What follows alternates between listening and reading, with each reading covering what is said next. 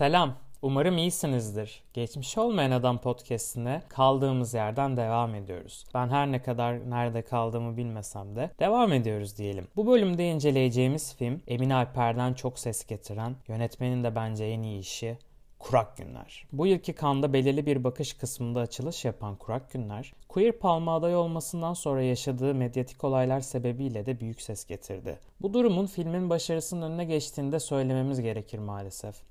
Kültür Bakanlığı'nın yapım desteğini saçma bir nedenden dolayı geri çekmesi, hiçbir şekilde mantıklı bir olay değilken, hiçbir filminde çekildikten sonra senaryodaki gibi tıpatıp çıkmayacağını da söylememiz gerekir. Yani siz filmin senaryoya göre çekilmediğini mi düşünüyorsunuz Sayın Kültür Bakanlığı? Siz bunu iki kere farklı draftlarla onaylamışsınız ama ondan sonrasında değil verdiğiniz parayı, tüm parayı geri almak istiyorsunuz. Çok ilginç bir şey. Bunu tabii ki de gişeden kazandığı parayla ödeyecektir diye düşünüyorum Kurak Günler ancak e, ekstra olarak çok fazla para kazanamayacaklardır bunun vesilesiyle. İlginç 2018 ile 2022 Türkiye'si arasındaki politik durumu siz de görüyorsunuz. Olaylar gerçekten farklı bir yere gidiyor. İşte filmde aslında bunu anlatıyor birazdan anlatacağımız kısımlara. E, geçelim isterseniz. Filmde neler oluyor peki? Kurak günler, kuraklık sorunu ve partizanlıkla çalkalanan bir kasabaya atanan, genç, dürüst ve mert bir savcı olan Emre'nin yaşadığı olayları ele alıyor aslında. Ziyafet, soruşturma, yeni gözaltılar ve seçim adında 4 bölümden oluşuyor film. Görüntü yönetmenliğini Yunan bir adam yapıyor ve inanılmaz. Gerçekten Emin Alper mesela söyleşisinde şunu diyordu. Hani Nadir abi hani beni ortak yapımcımız olduğu için hani dışarıdan bir görüntü yönetmeni bulsak daha iyi olur Emin falan dediğinde hani bir tereddütlüydüm ama adamla tanıştıktan sonra yani hani nasıl diyor biliyor musunuz böyle gerçekten beklentilerim çok yükseğinde bir şey yaptı diyor. Gerçekten de öyle olmuş. Yani yönetmenin görüntü anlamındaki en iyi işi olmuş. Galiba ithal etmek gerekiyor bazı görüntü yönetmenlerini diye düşünüyorum. Ve filmin bir diğer e, gözüme çarpan, ilk bakışta göze çarpan aslında sizin de belki izlediğinizde göze çarpacak e, şeyiniz. Kandaki yarışan bir filmin yani bir art house temalı bir filmin inanılmaz ana akım olmasıydı yani. Öyle bir tempo var ki film akıyor ya. Yani 2 saat 10 dakika ama gerçekten 1,5 saat gibi geliyor film. Bunun haricinde Selahattin Paşa'nın ve Emin Alper'in en iyi işlerini çıkardıklarını söyleyebiliriz. Gerçekten Selahattin Paşalı bir tiyatro kökenli birisi olmasına rağmen gerçekten bütün aldığı eğitimleri bırakarak olabildiğince doğal oynamaya çalışmış ve sanki e, bu rol için biçilmiş bir kaftan olarak gözümüze çarpıyor. E, bunun da tabii ki de en büyük sebebinin hani Emin Alper'in gerçekten her filmde titizlikle bir kas seçimine gitmesi ve bırakın auditionlardan sonra bu kaslarla birlikte baya evde baya görüntülü şekilde sahnelerin birkaçını denetmesi gibi olay olaylarda e, çok değerli bu konuda. Gerçekten bu konularda preprodüksiyon aşamasında çok titiz çalışan bir yönetmen. Bunu kendisi söylüyor YouTube kanalında. Konuk olduğu kanallarda konuşuyordu bunu. Evet yaklaşan seçim atmosferinde savcıyı yanına çekmek isteyen iktidar yanlısı grubun savcıya tuzak kurarak ve tehditle bunu yapmaya çalışmaları, gazeteci dostunun savcıyı kurtarmaya çalışmasına karşın ikiliye yapılan homofobik ithamlar gerçekten yaşadığımız günümüz toplumunun küçük bir kasabadaki portresini işliyor diyebiliriz. Yargının ve devlet adamı olan birinin nasıl içe sayıldığını, partizanlık, nepotizm, adam kayırmacılık gibi durumların hukukun nasıl önüne geçtiğini gösteren polisiye gerilim türünde bir iş izliyoruz. Filmin Queer Palma aday olmasını ise pek fazla ben anlamadım. Çünkü ikili arasındaki yaşanan olaylar ima ediliyor ve hani tabii ki de bu görsel dille de destekleniyor. Ancak e, bu ima ediliş ve hani LGBT olayları amaç olarak değil bir araç olarak kullanılıyor ve aslında sondaki o büyük linçe bizi hazırlıyor. Yoksa öyle inanılmaz inanılmaz bir şekilde bu filmin bir LGBT teması içerdiğini ve queer palma e, aday olacağını söyleyemeyiz ve gerçekten burada kan bence biraz yanlış yapmış diye düşünüyorum. Çünkü yönetmenin de böyle bir amacı yok ve hatta söyleşisinde şey diyor bu film hani LGBT filmi olarak bakacaksanız izleyiciler hayal kırıklığı yaşayacaklardır diyor. Çünkü o da aslında senaryoya amaç hizmet etmek için aslında bu konuyu eklemiş ve öyle çok da bir derdi yok Emin Alper'in bu tür şey anlatmak istemiyor aslında. E, klasik ne hikayesi anlatılıyor biliyor musunuz? Taşra'ya gelen, Taşra'ya atanan bir devlet memurunun nasıl uğradığı linç ve değiştirilmeye çalışılması anlatılıyor. Aslında bir zamanlar Anadolu'dakine benzer bir durum. Burada da var çok fazla işleniyor. Çok orijinal bir hikaye değil. Ancak e, yine de farklı bir kafadan bakıyor. Gerçekten bu olayları anlamak güç. Ama bu filmin hani Kültür Bakanlığı'nda neden iptal edildiği aslında savcının eşcinsel olmasıyla ya da LGBT temasıyla hiçbir alakasının olmadığını da söylememiz gerekir. Tamamen politik yani bu kadar iyi bir sistem eleştirisi ve günümüz iktidar eleştirisini ve yaklaşan seçim durumunu düşündüğümüzde bu filmin çok fazla göz önünde bulundurulmaması istendiğini düşünüyorum. Ben ancak daha da gözlerimizin önüne sokuldu nedense yasaklar çünkü bir şeyi daha çok izletiyor. Yani aslında kendi topuğuna sıkı diyebiliriz Kültür Bakanlığı bu tarz bir şey yaparak. Hmm, umarım Emin Alper de diğer filmlerinde başka yerlerden çok iyi destekler alır diye düşünüyorum. Sonuçta sadece Türkiye'den destek almıyoruz çekimlerde. Belki de hükümet değişir ve Emin Alper'e gerçekten sınırsız bütçeler de verilebilir. Yönetmenin belki de uzun sürede işler yapsa en iyi filminin bu olacağını düşünüyorum. Örneğin Nuri Bilge Ceylan hani Kış Uykusu'nu yaptı tabii ki sonrasında daha büyük bir ödül aldı. Ama herkese göre, bana göre olmasa da bir zamanlar Anadolu'da yönetmenin en iyi filmi olarak göze çarpıyor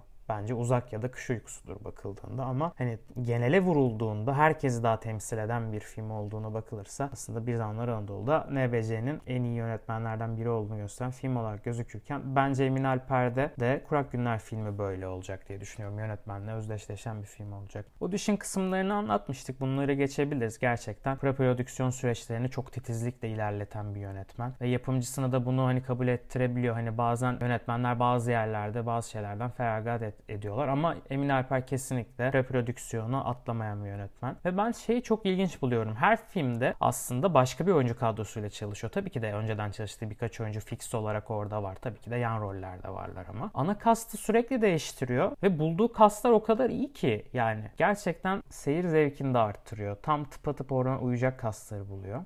Gerçekten çok ilginç konu. Mesela ben olsam çoğu yönetmen gibi daha garantici bir yol seçerek aslında tanıdığım, bildiğim insanları filmlerimde oynatır ve aslında hani daha bir ekip ruhuyla bu işi halletmeye çalışırdım. Bu riski de almak zor olurdu. Çünkü gerçekten çekim yapılan iller farklı, ekibi oraya götürüyorsunuz, büyük prodüksiyon var. Ha şunu da söylememiz gerekir. Yönetmenin e, bağımsız bir işe göre büyük prodüksiyonlu sahneleri de var. Örneğin sondaki kovalamaca sahnesi gibi. Ve gerçekten bunun da başarısının sırrının da Alef dizisinde çalışmasına bağlıyor kendisi. Çünkü normalde bağımsız yönetmenler çok fazla böyle riskli, çok fazla insanlı sahneleri çekmek istemezler. Çok fazla figüranlı ya da oyunculu. Hem bunlar bütçe sıkıntısı yaratır hem de gerçekten bunu çoğu zaman da aslında çoğu yönetmen yönetmeyi de bilmezler dizilerde falan çalışmadıkları için. Gerçekten bundan kaçarlar. Emin Alper burada gerçekten risk almış. Yani bunu kendisi de söylüyor. Orada edindiğim tecrübelerle bu son sahneyi çekebildim ya da birkaç kalabalık sahneyi çekebildim diyor. Şimdi filmin tempo olayına geçelim isterseniz. Film tamamlandığında 180 dakika olarak yapım şirketine veriliyor. Tabii ki de vizyona girecekken 130 dakikaya düşürülüyor. 130 dakikaya düşürülmesiyle de aslında neden böyle olduğunu hepimiz biliyoruz. Çünkü Ay Yapım gibi büyük bir ortak var burada. Gene e, ortak yapımcılar ve var ve bu yüzden de aslında film en makul süreye indirilmeye çalışılıyor. Yönetmen bir şekilde diretse de her şeyi, her yerde her şeyi force edemiyorsunuz. Ve o yüzden de final sahnesindeki o çok çabuk kırılma ve hemen olayların olduğu bittiye gelmesi filmin senaryodaki bir eksiğiydi mesela. Bunda aslında bence çekim yönünden şöyle bir şey olduğunu düşünüyorum ben. Kesinlikle filmin o finale bağlanış kısmı daha uzundu. Ancak hani film biraz tempoya bağlansın. Beyaz perdede de gösterilecek. Hani sadece festivalle kalınmaz diye Ay Yapım'ın biraz parmağını bu işe sokarak hani tempoyu da arttırmayı hedefleyerek o kısımları biraz attığını düşünüyoruz. Yine de filmin niteliğinden çok bir şey bu durum kaybetmiyor. Filmde bir senaryo ile alakalı bir mantık hata söyleyeceğim. Gerçi bunu bir film olarak ele aldığımızda çok da büyük bir sıkıntı olarak gözümüze çarpmıyor bu durum. O durumsa şudur. Ya bir savcıyı bence hiç kimse gidip de öyle kovalayıp öldürmeye çalışamaz abi. Yani bu böyle bir durum olmaz. İkincisi final tercihi gerçekten mesela savcıyı çukura atamıyorsun. Diğer filmde olduğu gibi mesela. Atıyorum diğer filmde bir savcı yoktu karanlık gecede ama o adam mesela çukura düşüyordu ancak burada çukura düşüremiyorsun. Bu mantıklı bir tercih olmuş. Çünkü gerçekten o zaman film 10 yıl falan yasaklanırdı bir yerden. Hani AKP gitse de yasaklanırdı çünkü çok sert bir son olurdu gerçekten. Ve şunu da söylemek lazım. Bu film Karanlık Gece'yle tıpatıp benziyor gerçekten iki farklı yönetmenin sadece soyad benzerlikleri olmasına rağmen ilginç bir şekilde aynı temaları işlemesi çok ilginç ama baktığımızda bu durumun aslında şöyle bir yanı da var. Yaşadığımız Türkiye benzer. Anlatılan konular da benzer oluyor değil mi? Ama gerçekten yani ikisinin de obruk metaforu kullanması ve hani ülkedeki o homofobiye karşı bir durum, iktidar yanlılarının her yerde olması gibi, gücü elinde bulunduranların güçsüzü ezmeye çalışması durumları. Ya bu kadar mı benzer olur? İşte Kurak Günler sanki başka bir yönetmene çektirilmiş bir ana akım işken Karanlık Gece ise full art house bir iş olarak Özcan Alper'e çektirilmiş gibiydi. Çok enteresan. Hangi filmi daha çok beğendin diye sorarsanız tabii ki de Kurak Günleri daha çok beğendim ben. Biraz Özcan Alper benim tarzımın dışında bir adam. Çünkü ondaki çoğu şey çok fazla ima ediliyordu ve aslında hani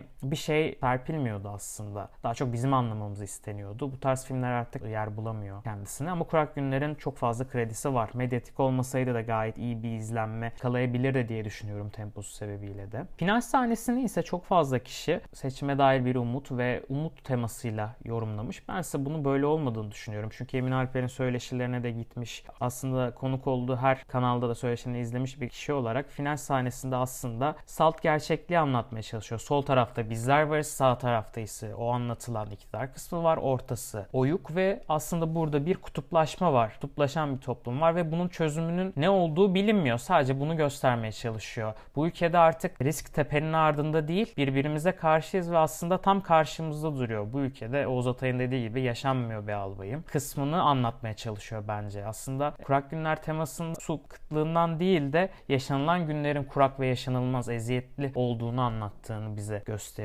Bir sonuca vardırmıyor bu durumu. Çünkü yönetmen de sonucun ne olacağını bilmiyor. Geleceğin muğlak olduğunu biliyor. Bunu seçimle de aslında çok çözülemeyeceğini de bence göstermeye çalışıyor. Çoğu kişi umut temasını işlerken ben umutsuzluğu aslında burada bir yorum yapmamasını daha çok sevdim yönetmenin. Filmde tabii ki de hani kurak günler temasının aslında o kuraklığın daha fazla işlenmesini ve daha çok politikaya burada iş atılmasını ben bir şey olsaydım, senarist olsaydım bu işin ve yazar yönetmeni olsaydım yani Emin Alper gibi daha çok anlatmaya çalışırdım. Çok fazla tecavüz olayına bağlı kalıp hikayeyi oradan anlatmaya çalışıyor. O gecede neler yaşandığını anlatmaya çalışıyor. Or- oralar biraz flashbackler falan çok kullanılan yöntemler değildir. Riskli iştir. Hani yine üstesinden kalkmış ama ben kesinlikle tavsiye etmiyorum. Çok diziye döndürüyor bence işi. O da filmin bir eksi noktası olarak gözümüze sokulan bir durumdu. Sözün Sözün özü Kurak Günler temposu, muazzam görüntü yönetimi, iyi oyunculuklarıyla son yılların en akılda kalıcı yerli işlerinden birisi olmayı başaran bir eser olmuş. Medyatik yapısıyla da aslında uzun süre daha burada gündemde kalmayı başaracağını düşünüyorum. Benim filme puanım 7.5'tan 8. Başka incelemelerde umarım görüşmek üzere.